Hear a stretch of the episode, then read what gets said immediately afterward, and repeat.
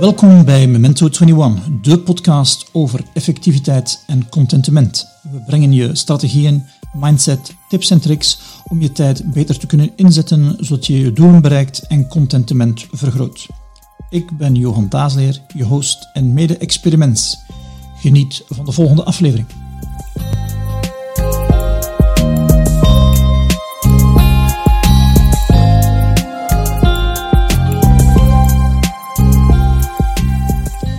Welkom bij de nieuwe aflevering van onze podcast Memento 21. En deze keer weer niet met Steven, maar met Tim. Dag Tim. Goedemorgen. Goedemorgen. Tim, als mensen u niet kennen en ze vragen u wie zijt je, wat doet je, wat antwoord je dan? Ja, ik, ik ben, um, dus mijn naam is Tim van Erk. Hè. Ik werk voor um, Johnson Johnson al, al gedurende de laatste 22 jaar. Um, en ik, uh, ik heb daar al verschillende rollen binnen Human Resources gedaan. Mm -hmm. um, gestart lokaal hier in, uh, in België met Janssen Pharmaceutica natuurlijk. Hè, um, wat het hier natuurlijk het meest bekende mm -hmm. uh, bedrijf is binnen onze groep. maar, maar gaandeweg ook andere rollen natuurlijk buiten België opgenomen. Ik heb in de Verenigde Staten gewoond, ik heb in Zwitserland gewoond. Ik woon vandaag terug in België um, en ik heb eigenlijk een lokale, uh, sorry, een globale rol hè, binnen, uh, binnen Johnson Johnson. Dus eigenlijk nog zeer weinig met België te maken, maar eigenlijk verantwoordelijk voor een, een groot deel van onze internationale uh, supply chain. Um, niet alleen binnen de farmaceutische tak van, van J&J, waar natuurlijk Janssen toe behoort, maar evengoed ook in onze consumer en in onze in onze medical devices uh, groepen. Dus eigenlijk een, ik werk ik op het, het corporate niveau. Oké, okay. en dat wil dan zeggen dat je heel veel moet reizen? Uh, ja, tot voor kort wel natuurlijk. Hè. Uh, ja. nu met, met, met corona is dat heel anders. Maar um, ik heb zeker een, een, fase gehad waarin dat we zeer veel hebben moeten reizen. Hè. Um, ik merk wel dat we als business, en waarschijnlijk zijn we daar niet uniek in, hè, proberen dat toch wel wat af te bouwen. Ja. en dat we veel meer remote en virtueler zijn, mm -hmm. zijn gaan, uh, gaan werken. Uh, maar je hebt toch nog altijd de basis nodig van een aantal dingen face-to-face -face te bespreken of connecties op te bouwen met mensen. En daarvoor is reizen natuurlijk wel belangrijk. Ik heb natuurlijk ook typisch hè, in, in, in, uh, voor onze, onze coronatijden um, een, een, regelmatige uh, trip naar, uh, naar de Verenigde Staten op mm -hmm. mijn agenda, hè, waar ons headquarters is. En om daar dan toch met, met mijn collega's um, en met de klanten waarvoor ik werk um, nauw contact te houden. Oké. Okay. En, en, als je zou zeggen van het verschil tussen voor COVID en, en, en na COVID voor u in uw job wat zijn zo factoren die zeggen van, verdorie, dat heeft toch soms wel moeilijkheden om even productief te zijn, of nee, dat heeft wel makkelijker gemaakt? Um, ik moet eerlijk het, het heeft het zeker niet makkelijker gemaakt. Mm -hmm. hè? Um, ik moet zeggen dat er relatief gesproken in mijn job zeer weinig of weinig impact is geweest. -hmm. Ook omdat He, dus ik, eigenlijk zit mijn job, zou mijn job op het hoofdkantoor in de Verenigde Staten uh, zitten. Mm -hmm. Maar als gezin zijn wij um, eigenlijk niet echt mobiel. Mijn, mijn oudste zoon is, is 12 um, en, en is gehandicapt, dus heeft een aantal extra zorgen nodig. Mm -hmm. Waar we eigenlijk altijd voor gekozen hebben om dat binnen onze familie- en vriendenkring en alles toch wat beter te kunnen organiseren dan als je als gezin alleen bent hè, in, het, in het buitenland. Um, en het is eigenlijk natuurlijk wel knap dat, dat Johnson Johnson ook zegt van kijk, zo'n internationale rollen binnen uh, Human Resources kunnen voor ons even goed uh, buiten ja. ons hoofdkantoor zitten. Um, maar dat zorgt er eigenlijk voor dat ik um, eigenlijk zeer veel al remote werk. Mm -hmm. hè. Uh, heel veel van, of ik heb eigenlijk zeer weinig mensen binnen België waar ik dagdagelijks mee werk. Ja. dus het, er is voor mij ook weinig aanleiding om naar een van onze sites hier in België te gaan ja. te koeren. Dus ik werk meestal al remote. Hè, en in die zin is eigenlijk het hele COVID-19-verhaal ja. niet echt een grote impact uh, geweest vanuit dat perspectief. Maar je merkt toch wel dat, dat die regelmatige, uh, het regelmatige bezoek dat ik had aan, aan, aan, aan de US, uh, om je connecties te behouden, ja. om weten wat er leeft, maar vooral ook om met teams hè, rond een aantal zaken te werken, rond hun strategie en zo, Ehm, het werkt allemaal wel ehm, virtueel, maar, maar ja, als je toch eens niet één keer per maand daar rond kunt samenzitten en wat meer anders debatteren, um, ja, het is toch wel iets minder efficiënt lijkt me. Maar, maar in verhaal, ik moet wel zeggen, het, het valt wel mee, maar, mhm. maar het zou beter zijn als we toch terug bij elkaar kunnen komen. Af en toe bij elkaar kunnen komen, ja. En, en je zegt dan, ik werk al remote. Wat zijn dan voor jou belangrijke zaken om remote uh, een succes te maken? Um, dat is een zeer ruime vraag. Hè. Uh, dus je kunt die vanuit een technologie-standpunt uh, bekijken, hè, in de zin van dat je de juiste middelen moet hebben. Ja, de basis um, moet in orde zijn. Ja, ja um, voor, voor, mij is het, is het en ik, ik, ik voor mij gaat het eigenlijk veel meer over een aantal andere zaken. Mhm. Dus daarmee dat ik dat straks ook zei van, um, je hebt vaak fases waarin dat je veel meer moet reizen, mhm. uh, omdat je toch die initiële relaties moet opbouwen. Hè? Vaak met de business leaders die je ondersteunt, met um, mensen van je team. Hè? En zodra dat je die relaties hebt, um, dan, dan, dan gaat het remote werken veel makkelijker, omdat je van elkaar begrijpt, ja, wat is belangrijk, hoe kan ik die personen aansturen. En ik, ik heb daar ook vaak ehm, over, uh, over nagedacht al in de zin van ehm, als je vandaag een, een, een, een, klein bedrijf bent of een mhm. start-up bedrijf of whatever, right? En, en, en je begint bijvoorbeeld en je zegt, ja, ik, ik wil een, een vestiging openen in, in India of in, of in China. Um, dat is niet evident. Hè. Je komt heel vaak met hè, dan heel hoop culturele verschillen uh, mm kom je dan tegen. Um, veel misverstanden ongetwijfeld, veel andere verwachtingen.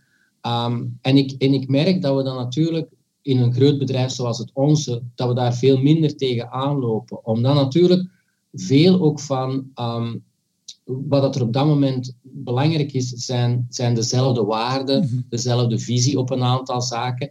En natuurlijk, als ik morgen zeg van ja, ik ga met een team werken in China, dan weet ik dat die natuurlijk ingebed zijn mhm. in het ruimere Johnson Johnson verhaal in China. En we, we starten al van een, van een gezamenlijke set van waarden, van een gezamenlijk principes, van gezamenlijke strategie bijvoorbeeld rond HR, die wereldwijd dezelfde is. Hè? En dus, dus moet je vooral focussen om, om die persoonlijke relatie een beetje meer hè, mhm. te, te fine-tunen en de mensen te leren kennen. Maar je moet je eigenlijk veel minder zorgen maken, want een hele deel van de dingen die normaal belangrijk zijn om vanuit hetzelfde kader te werken, zal vanuit die grote Johnson Johnson China-vestiging al wel voor zijn rekening zijn genomen. Hè? En, en dus besef ik ook heel erg dat het vaak voor ons veel makkelijker is om, om in die wereld remote te gaan werken, mhm. uh, dan als je met iets zou starten. Hè, en, of, of, dat je niet de strength hebt, zoals, het onze, mhm. zoals ons groot bedrijf, om, om, die gezam, om dat gezamenlijke waardekader en zo al, al te scheppen uh, voor, voor de hele organisatie. Ja. En, en je zegt van, dat persoonlijke is, is belangrijk voor de relaties te onderhouden. Nu in die drie maanden dat we in, in, niet hebben mogen reizen, zijn er dan dingen die je gedaan hebt, strategieën, procedures die je gebruikt hebt om dat toch wat ja, te benaderen? Ja, ik denk dat we net zoals um, vele, mensen en vele bedrijven Ehm, ook wel de ervaring gehad hebben dat het, ehm, en hebben nog altijd, want we zijn nog volop natuurlijk in, in de crisis, dat, dat het voor veel mensen heel moeilijk is geweest en nog altijd is. Hè? en en uh, twee zaken daar rond eigenlijk. ik denk dat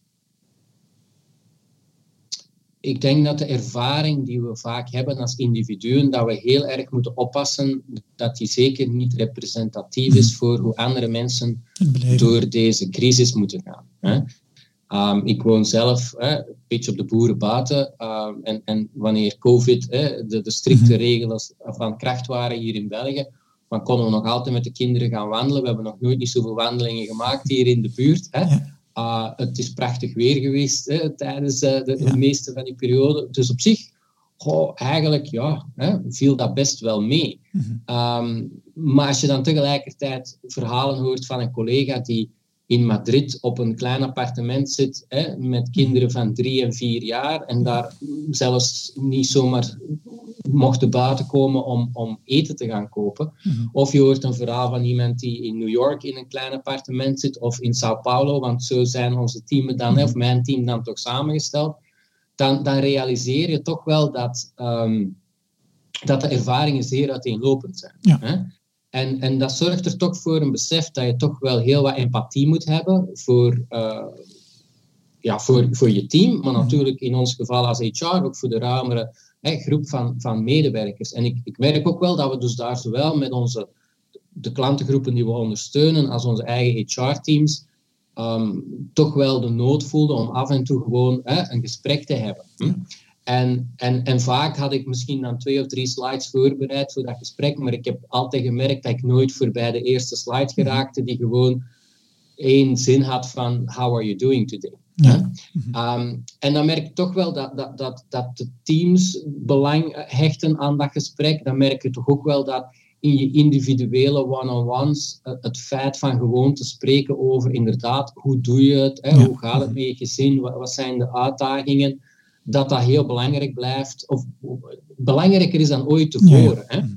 Um, en ik vind ook wel dat daardoor de relaties een beetje dieper worden, omdat je per definitie over veel persoonlijkere dingen gaat Ja. praten uh, dan hè, um, de, de vraag zoals je het vroeger stelde van how do you do, uh, Ja. was meer hè, een, een beleefdheidsformule, Mhm. terwijl dat het vandaag automatisch tot veel diepere gesprekken Ja. leidt en dat toch ook wel daardoor de relaties versterkt. Ja, en, en, en als je zo iemand hebt die een issue hebt, kun je van op afstand dan ondersteunen?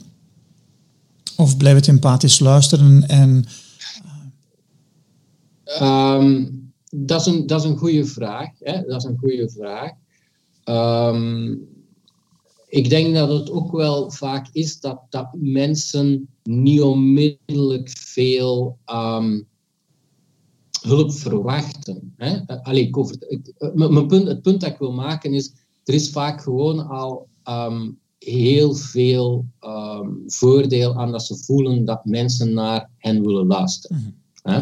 Ehm, nu, wat kun je daaraan doen? Ja, in veel gevallen is het een heel persoonlijk verhaal. Hè? En, en persoonlijke uitdagingen die niet noodzakelijk professioneel gerelateerd zijn. Dus ja, daar, daar kun je niet altijd mee helpen. Ik denk de twee andere dingen zijn, is van, ja, het, is goed dat wij waarschijnlijk beseffen waar dat sommige uitdagingen zitten, zodanig dat we bijvoorbeeld, als ik hoor, hè, om, om een voorbeeld van China verder te gaan, dat er iemand in China in mijn team waar er wat problemen zijn, ja, dan kan ik natuurlijk ook wel contact opnemen met mijn collega in China, die verantwoordelijk is voor de HR-organisatie Mhm. daar, en zeggen van, hey, hè, ehm, heb je al eens contact gehad met die persoon, want ik, ik merk daar toch een aantal dingen, Ja. we moeten daar wat dichtbij, dichterbij blijven. En die kunnen dan waarschijnlijk op hun manier hè, ook weer wat, wat helpen. Dus die Ja. voelsprieten zijn, zijn, zijn belangrijk. Het andere, en daar kunnen we dan bijvoorbeeld wel mee helpen, is niet noodzakelijk van, van, van iets zeer praktisch waar dan mensen mee zitten, maar je merkt wel, en dat is een verhaal dat je weer overal ziet, is van, ondanks hè, ehm, dat we eigenlijk verwachten dat dat thuiswerk veel flexibiliteit geeft Mhm. voor mensen, eh, blijken ze toch enorm veel uren te doen hè, deze tijd. En lijken ze veel harder te werken dan ooit tevoren. En ik denk dus dat we twee dingen daarmee kunnen helpen. Is inderdaad om te zeggen van welke flexibiliteit heb je nodig. Hè? Mhm. Ik heb ook een collega die zegt van ja, sorry, maar eigenlijk de doorsnee uren in de voormiddag en de namiddag zijn tegenwoordig heel moeilijk voor mij met de kinderen. Hè? Dus ik ga wat meer in, in de ochtend werken en wat meer in de avond. Dus Ja. hè, bear with me, in de loop van de dag ga je misschien iets eh, minder snel eh, te pakken kunnen krijgen. En het andere ook is dat we zeggen van kijk, we, we vinden dat het eigenlijk best heel druk is, zowel natuurlijk in hoe dat we de crisis managen, maar ook heel veel andere dingen. En dat we, we kunnen dan nog, toch nog wel even de tijd nemen om naar onze prioriteiten te kijken. Hè? En Ja. te zeggen van kijk, als we allemaal vinden dat het heel druk is en dat we eigenlijk veel meer werken dan ooit tevoren in heel andere combinaties, laat ons toch nog eens de tijd nemen om naar onze prioriteiten te kijken. En wat gaan we nu echt doen en wat gaan we misschien wat deprioritiseren. En ik denk dat dat twee manieren zijn, zowel hè, contact nemen met Mhm. mensen die misschien in de regio wat dichter bij onze teamleden zitten, als naar het kijken naar individuele en teamprioriteiten, die dan kan helpen om mensen uh, ja, wat, wat, ademruimte te geven in deze crisis. Ja. Um, prioriteiten heeft, zoals gezegd, te maken met capaciteit dat er is. En als het moeilijker is, is er minder capaciteit. Zijn er bepaalde tools die jullie gebruiken om ehm, de prioriteiten in de gaten te houden?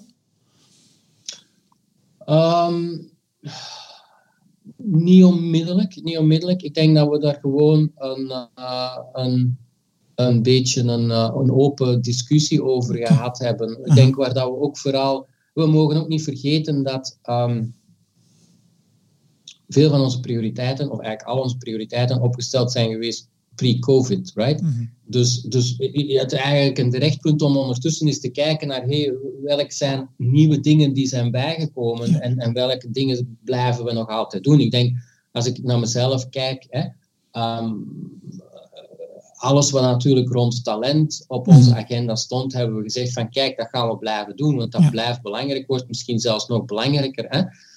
Um, maar bijvoorbeeld een nieuw element is waar dat we, ondanks dat uh, we niet noodzakelijk altijd betrokken zijn bij de details van, van het managen van de crisis, omdat dat vaak gewoon in de landen zelf gebeurt. Hè, dus wij zitten meer op een globaal niveau te praten. Um, merk je wel bijvoorbeeld dat je discussies wilt hebben met je, met je leadership teams rond ja, hoe gaat de wereld eruit zien de komende zes maanden, de komende twaalf maanden. Ja. En dat is toch anders dan dat we verwacht hadden. En wat gaan de verwachtingen zijn vanuit headquarters voor ons? Wat gaan de verwachtingen zijn vanuit onze klanten? Moeten we op een andere manier met onze klanten omgaan? Hoe bereiden we ons daarop? En dat zijn dus eigenlijk denkoefeningen waar dat je dan met je leadership team, zoals gezegd, wel door wilt gaan. Mm -hmm. en, en dat een prioriteit is die je absoluut niet uh, had voorzien. Hè? Ja.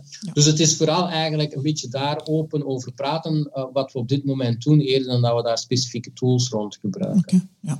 Uh, onze, onze luisteraars zijn heel erg geïnteresseerd in hoe kunnen we effectiever worden en hoe kunnen we contenter zijn. En wij maken, wij maken een heel groot onderscheid tussen de processen, de procedure, wat dat je doet en hoe dat je doet. Dus ja, prioriteiten maken is een, een wat, dat is afhankelijk ja. van je capaciteit en ook de noden dan op dat moment. Um, hoe dat je die dan organiseert, ja, dat kan in een bepaalde tool zijn. En daarom mijn vraag van, uh, welke tool zou je daarvoor gebruiken? Ja. we wel merken dat heel wat van onze klanten, wij zijn heel sterk in, in, in mensen te leren van de 100 meter te lopen. Ja, in bedrijven wordt geen 100 meter gelopen. Hè. Er worden de meerdere 4 x 100 meters wedstrijden gelopen. En hoe houden we dan overzicht over die verschillende uh, 4 x 100 meter wedstrijden? En we merken dat heel wat klanten daar mee worstelen mee worstelen ja. met een soort portfolio management ja. van hun lopende projecten op organisatieniveau. En dat was mijn vraag van, hebben jullie daar iets speciaal voor? Ja, wel, ik, ik denk zeker, hè, als je zeker binnen HR hebben we enkel op het allerhoogste niveau een soort van portfolio management. Mm. Hè.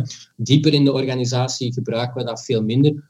De business gebruikt dat natuurlijk. Hè. Ja. Uh, zeer veel. En ik denk dat dat ook nu hè, uh, een, een, een, zeer nuttige tool is geweest om ook bijvoorbeeld een aantal zaken die, die we rond het crisismanagement van, de virus, -hmm. van het virus doen, hè, om daar toch een aantal dingen in, in, in, in, in, qua prioriteiten in te managen. Ik vind het ook een, een, een heel interessante vraag vanuit het perspectief van.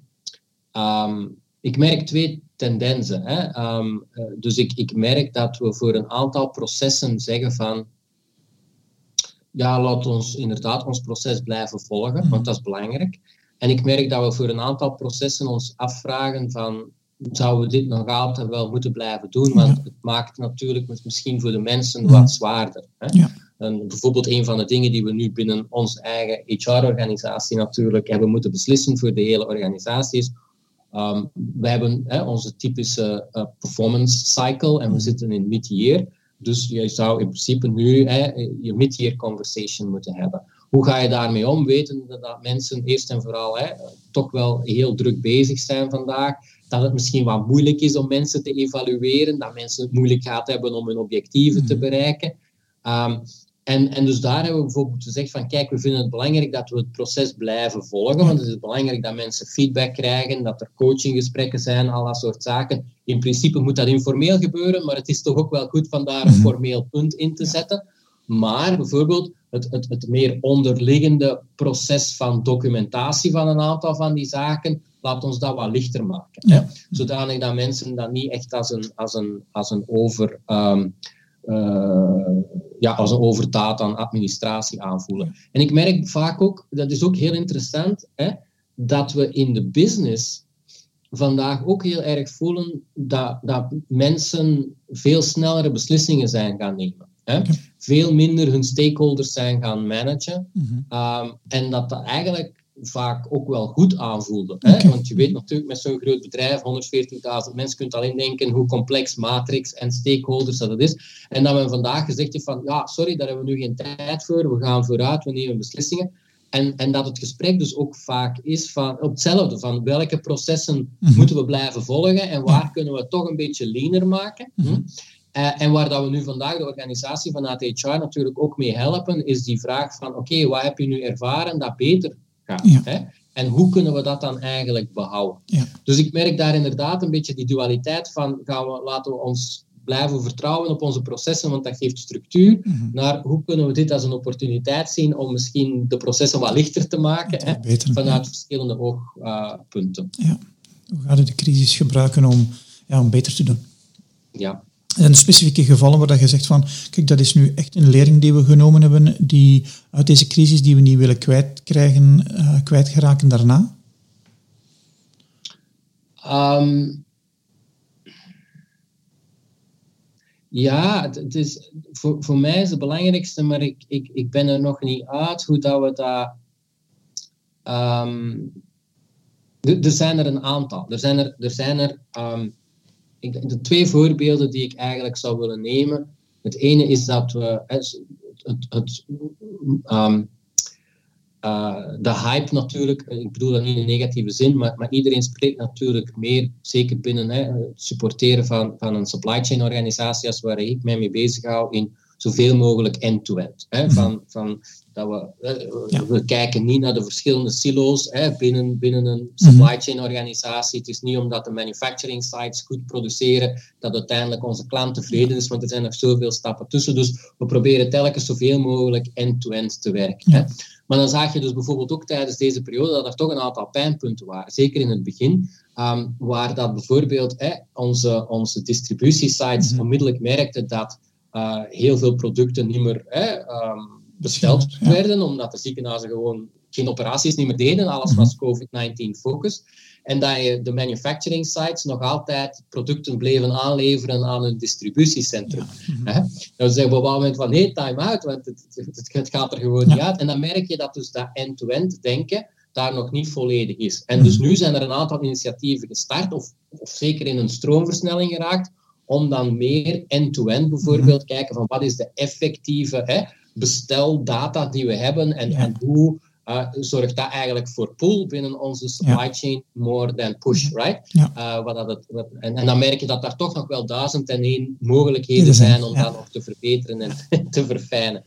Het, het andere, en dat is iets moeilijker denk ik ook weer, is, is uh, wat ik daar straks ook op, um, um, op kwam, is het hele stakeholder-verhaal. Hè? Mhm. Dus we zijn een, een bedrijf met zeer veel matrixstructuren, met toch wel een, een beetje een consensuscultuur. Um, dus je begint echt wel hè, alle verschillende kapelletjes af te gaan voordat je dan eigenlijk een beslissing neemt. En dan merk je in een crisis dat je dat niet meer kunt. Hè? En dat je dus eigenlijk um, maar met één, twee mensen afstemt en, en je gaat. En, en dan merk je toch dat, dat het eigenlijk wel goed is. Hè? En dat, dat, dat, dat dat ook wel... Hè? En, en eigenlijk ja, soms een beetje frictie creëert, maar niet altijd. En dat de kwaliteit van de beslissing in veel gevallen uh, dezelfde is. Hè? Um, dus, dus dat is zeker iets wat dat veel mensen als positief ervaren en willen behouden. Maar eigenlijk zit dat allemaal zo erg ingebakken in onze cultuur, Ja. dat ik niet weet of dat we dat kunnen veranderen. Dat is een beetje Mhm. hetzelfde als heel erg in het begin uh, hè, van, of, of al aan het begin van de crisis, zijn zeer veel mensen ook gaan zeggen in een ruimere maatschappij van oh ja, maar we gaan nu een heel andere kijk hebben Ja. op, op reizen. We gaan niet meer naar Australië en naar Nieuw-Zeeland gaan en naar China en Japan. Het gaat veel meer lokaal worden. Mensen gaan inzien dat het, dat, dat, dat, dat eigenlijk het moet zijn. Ik weet dat zo niet. Ik denk dat de wereld is kleiner geworden en mensen hebben gezien dat Nieuw-Zeeland fantastisch is of Japan fantastisch is om te bezoeken. Ik denk dat we daar naar terug gaan. Het enige wat ik denk is, voor mij heeft dat veel te maken met de duur van de crisis. Mhm. Als we morgen stelselmatig al in een meer normale situatie gaan, dan denk ik dat we vrij snel teruggaan naar het, ons Mhm. oude manier van handelen. Als we nog twee jaar of zo in deze crisis zouden zitten, uh, dan denk ik dat er meer kans is dat we fundamenteel onze gedragingen aanpassen. En, en, en dat vertaal ik dus ook naar ons bedrijf. Van, ik weet niet of dat het vandaag al lang genoeg is ja. om de gedragingen te veranderen. Mhm. Ik denk dat we daar meer tijd voor nodig hebben. En daarom moeten we er misschien wat meer bewuster over, over praten, natuurlijk. Hè. Ja. Um, maar dat zijn twee voorbeelden waaraan ik denk uh, mm op basis van die vraag. Ja. Um, zoiets, een algemeen principe, wat ik denk dat een belangrijke is, is dat elk organisme heeft een stukje vet nodig om een crisis te overleven. En ik ben, ik ben heel lang verantwoordelijk geweest voor um, werkvereenvoudiging bij Colruyt, dus optimalisatie, just in time. En nu begin ik te denken van, tjö, just in time is goed als er geen crisis is. Maar als er een crisis is, is het toch wel goed van ook wat vet op de organisatie hebben om zo'n schok mee te kunnen um, verwerken. Um, ja. Is dat ook iets dat, dat jullie in jullie organisatie gezien hebben? Um, dat is een, een, ik denk dat je dat ook weer opnieuw op verschillende manieren kunt, uh, kunt interpreteren. Um, uh, ik, ik, ik denk dat je gelijk hebt. Hè? En, en, je, en je ziet inderdaad dat. Um, het doet me spontaan aan iets, aan iets heel specifiek denken. Um, en voor mij linkt het ook met, en ik wil niet het modewoord agility gebruiken, maar het, het, het, het, het concept mhm. hoort er ook wel bij omdat je natuurlijk, je weet eigenlijk misschien niet noodzakelijk waar je dat vet nodig hebt. Hè? En dus het feit dat je, dat je resources kunt, kunt shiften, is eigenlijk, is eigenlijk belangrijk. Maar, maar bijvoorbeeld, een van de dingen wat wij dan merkten, is van, ehm, voor ons bijvoorbeeld, is ehm, vandaag het gebruik van persoonlijke beschermingsmiddelen mhm. is enorm belangrijk geworden. Ja. Hè?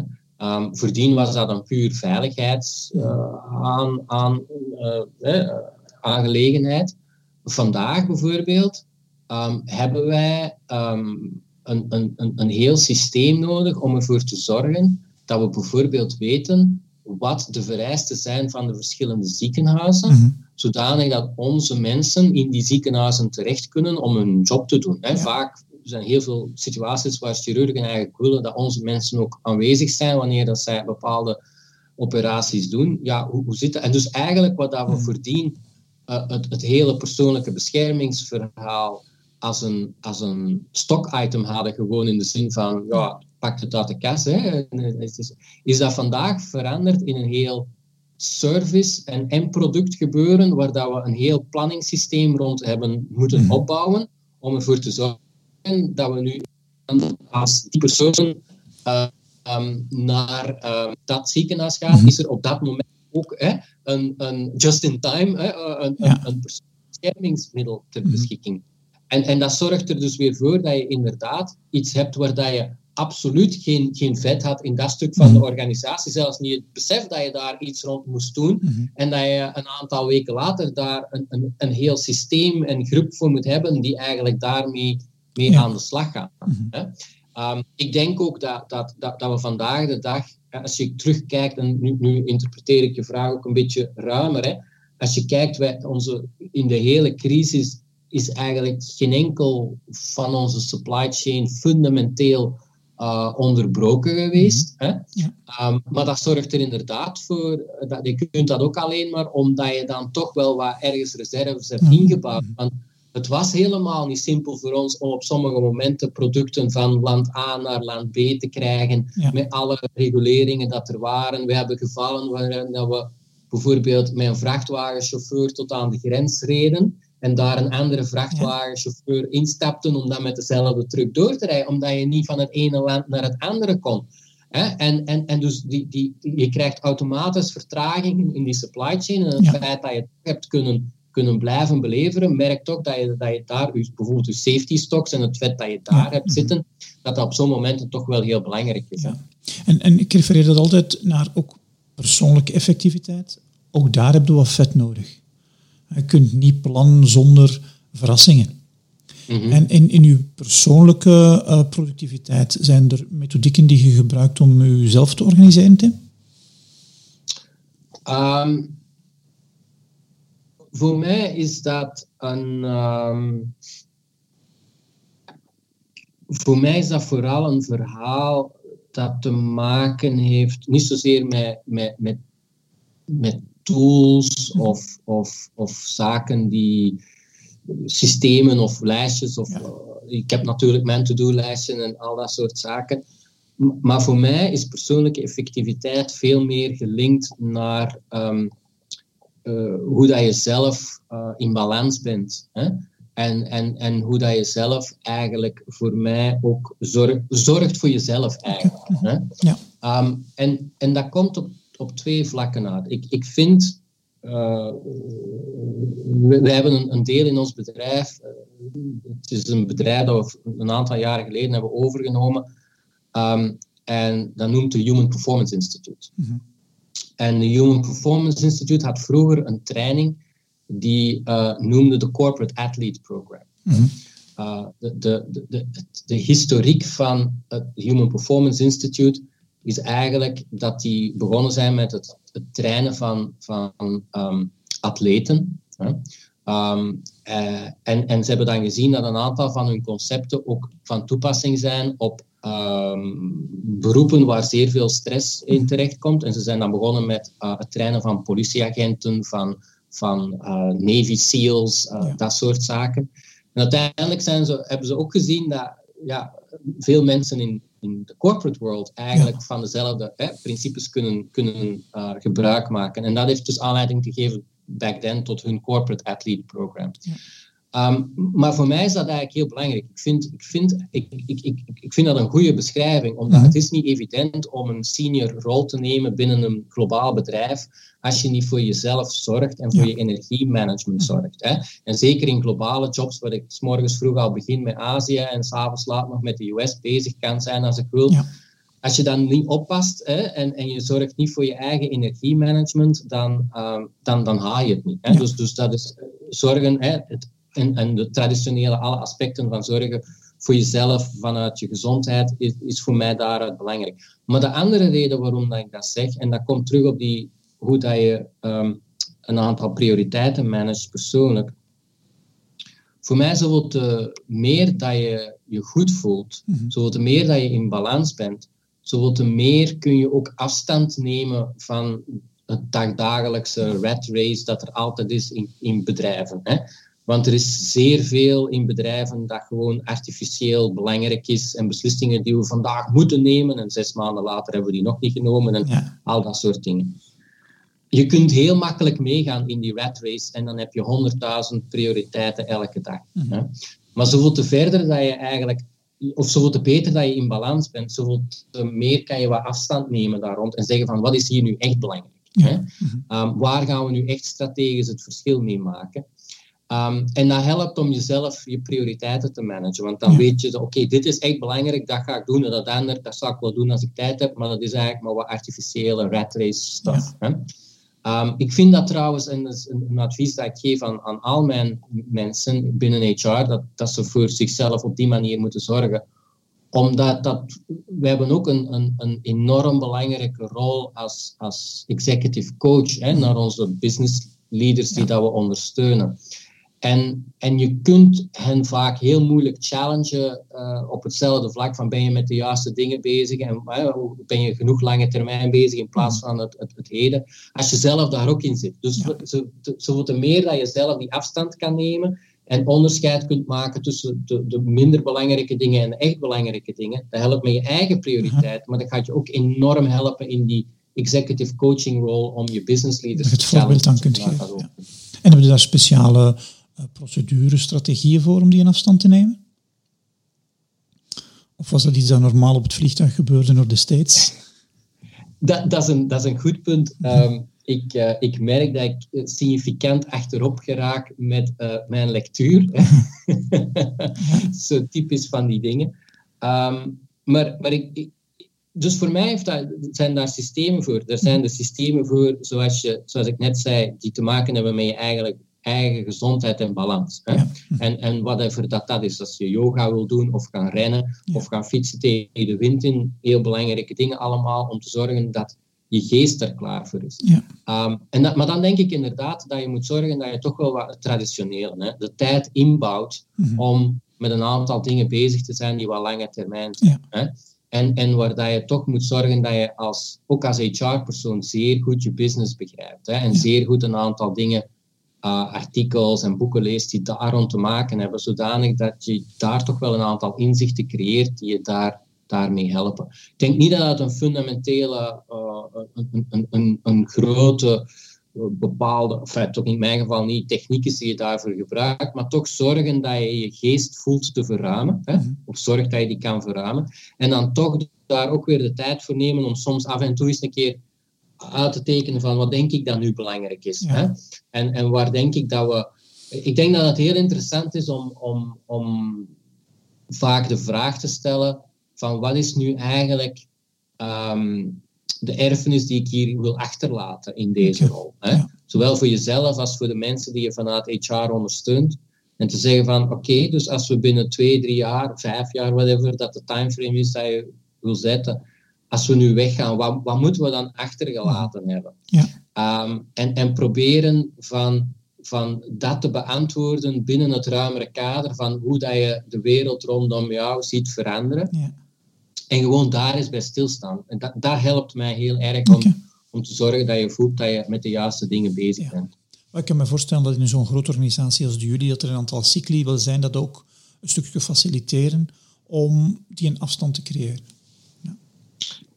Ja, ja, eh, absoluut. Hè. Dus je hebt een aantal cycli ook rond je lange termijn, hè, financieel plannen en, en dat soort zaken. Dus absoluut mijn ervaring daar is toch wel dat we daar, ehm,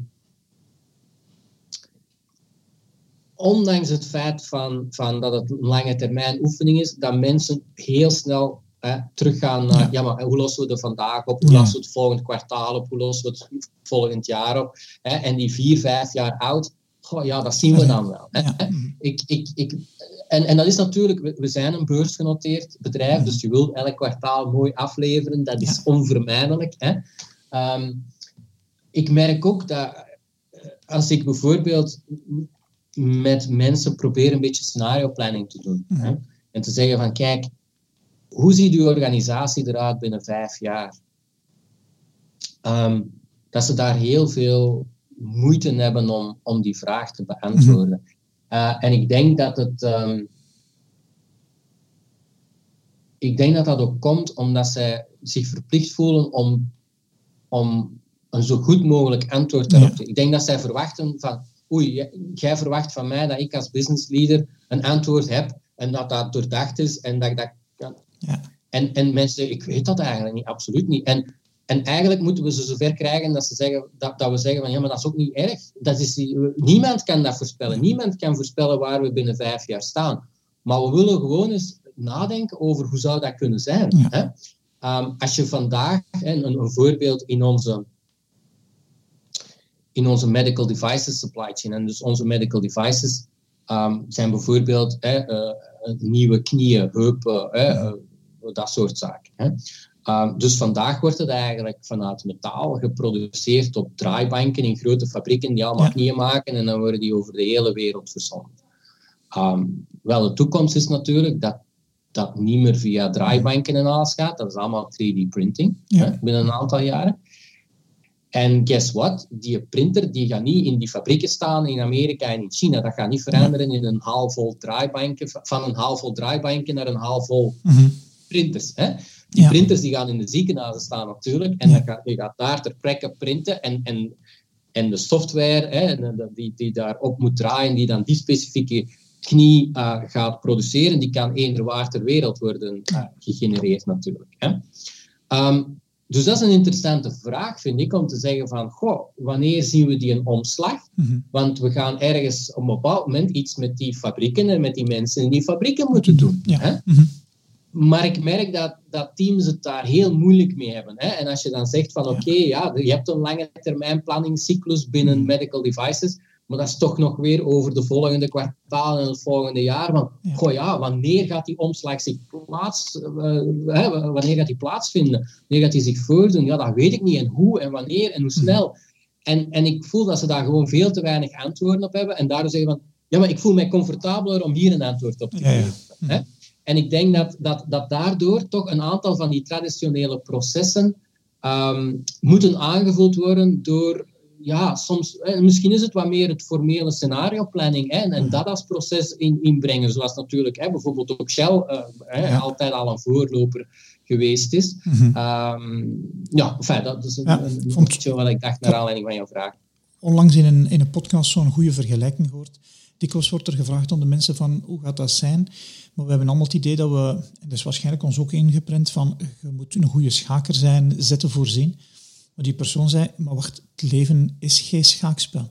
Het leven lijkt veel meer op pokerspelen dan op schaakspel spelen. Je weet niet welke stappen dat zijn. Je hebt veel, een hele hoop variabelen die nog niet bekend zijn. Dus het gaat veel meer over probabiliteit dan zekerheid. Dat zou om de stappen kunnen. Ja. Ik vond dat zo'n schone vergelijking en ook een inzicht dat ik dacht van, ah, ja, dat is het. Ik kan me daar niet op vastpinnen, maar ik ga wel een aantal mogelijkheden ontdekken. En als we twee weken verder zijn, ga ik meer variabelen te zeggen. Het zijn die en die en die die nog waarschijnlijk als scenario zouden kunnen uh, gebruikt uh, worden. Ja.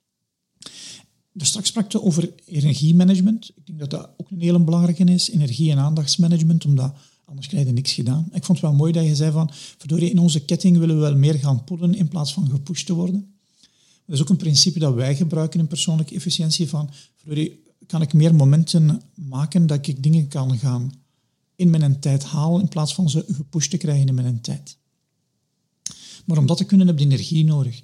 En wat zijn dan dingen die jij doet, uh, Tim, om je energie um, te bewaken en te vergroten? Wat heb jij nodig om dat te doen? Um, ik denk dat er een aantal, um, een aantal technieken zijn die ik gebruik. Eerst en vooral, ik probeer elke dag wel te sporten. Mm -hmm.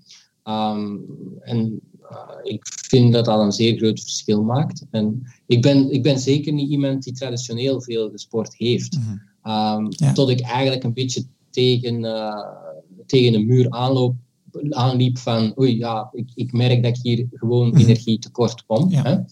Uh, en dat je dat dan toch bent gaan doen en, en daar enorm veel return van gekregen. Ja. Hè? Um, het andere is gezond eten, hè, opnieuw. Uh, en, en hoe manage je dat gedurende de dag? om ervoor te zorgen dat je geen hè, dip krijgt en al dat soort zaken.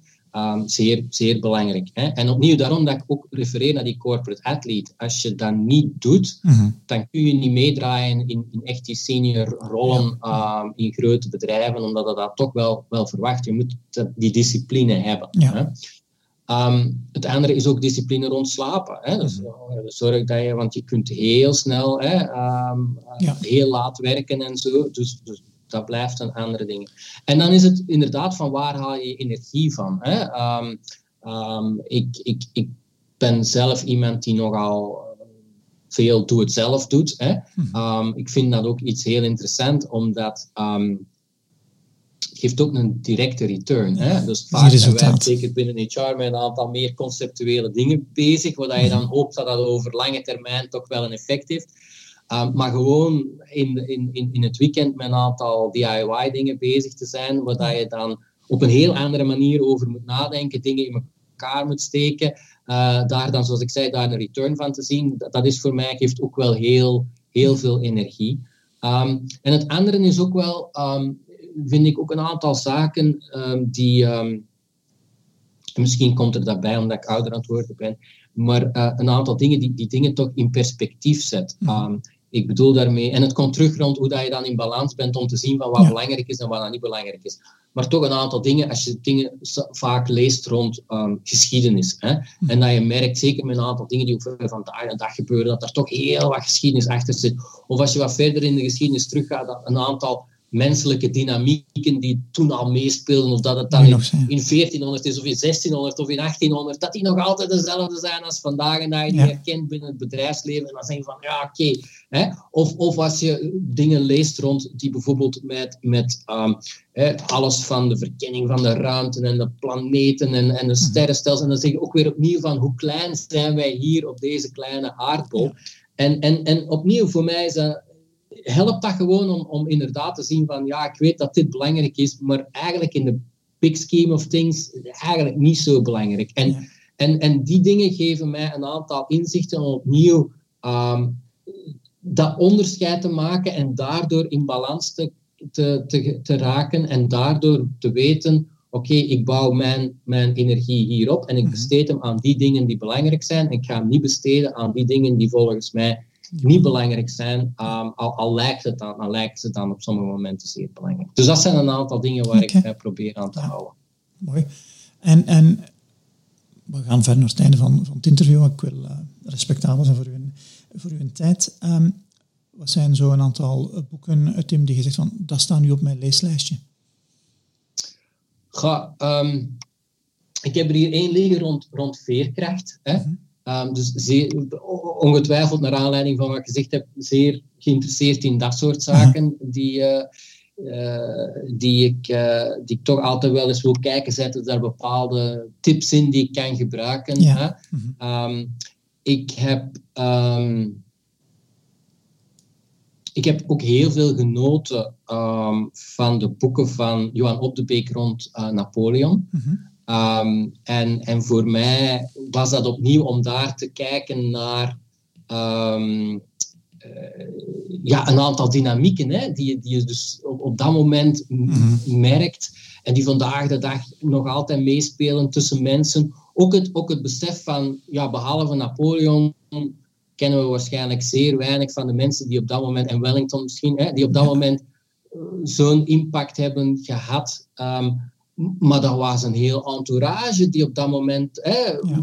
ook dag en nacht bezig waren met dingen. En, en die kennen we vandaag niet meer. Hè? En toch, dus, dus je moet het allemaal in perspectief. Dat, dat is dat, dat geschiedkundig ding van in perspectief. Het andere boek, het ligt hier achter mij ergens, um, is, uh, gaat rond, uh, is het boek Super Forecasting. Hè? Um, wat dat opnieuw Mhm. terugkomt over het ding van hoe kunnen we nu eigenlijk um, ja, wat meer dat concept van scenarioplanning binnen een aantal bedrijven binnenbrengen. En als gezegd is, sommige bedrijven sommige, of sommige overheden hè, of, of, of, instituten zijn, zijn daar zeer sterk in en, en andere bedrijven hebben daar niet direct een praktijk van. Um, ik geloof daar eigenlijk best wel in uh, om, om opnieuw het een beetje afstand te nemen van je plant het niet, maar je creëert een aantal scenario's waarin dat je dan toch wel wat, Mhm. waar dat je je denken mee, mee, mee, mee structureert hè, en dat een beetje een framework geeft voor de rest van je oefeningen. Um, dus deze, dat zijn een beetje drie zeer uiteenlopende onderwerpen, Ja. maar uh, uh, het andere is, ik begin pubers te krijgen, dus het andere boek is, um, hoe ga ik om met een zoon die in de puberteit zit. Een uitdaging. ja. Goed, Tim. Um, is er nog iets dat je onze lezers wilt vertellen? Um, ik vond het een zeer aangenaam gesprek. Hè. Ik, ik, ik, denk ja. inderdaad um, dat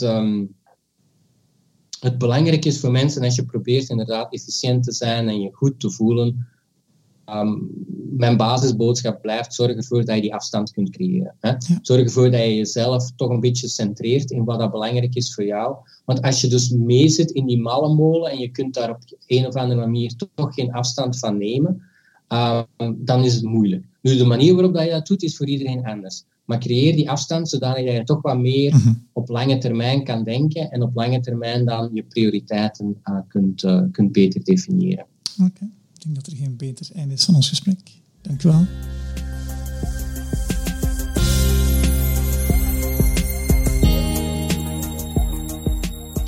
Dankjewel voor je tijd, energie en aandacht. Deze podcast is gratis, maar kost wel wat centen om in de lucht te houden.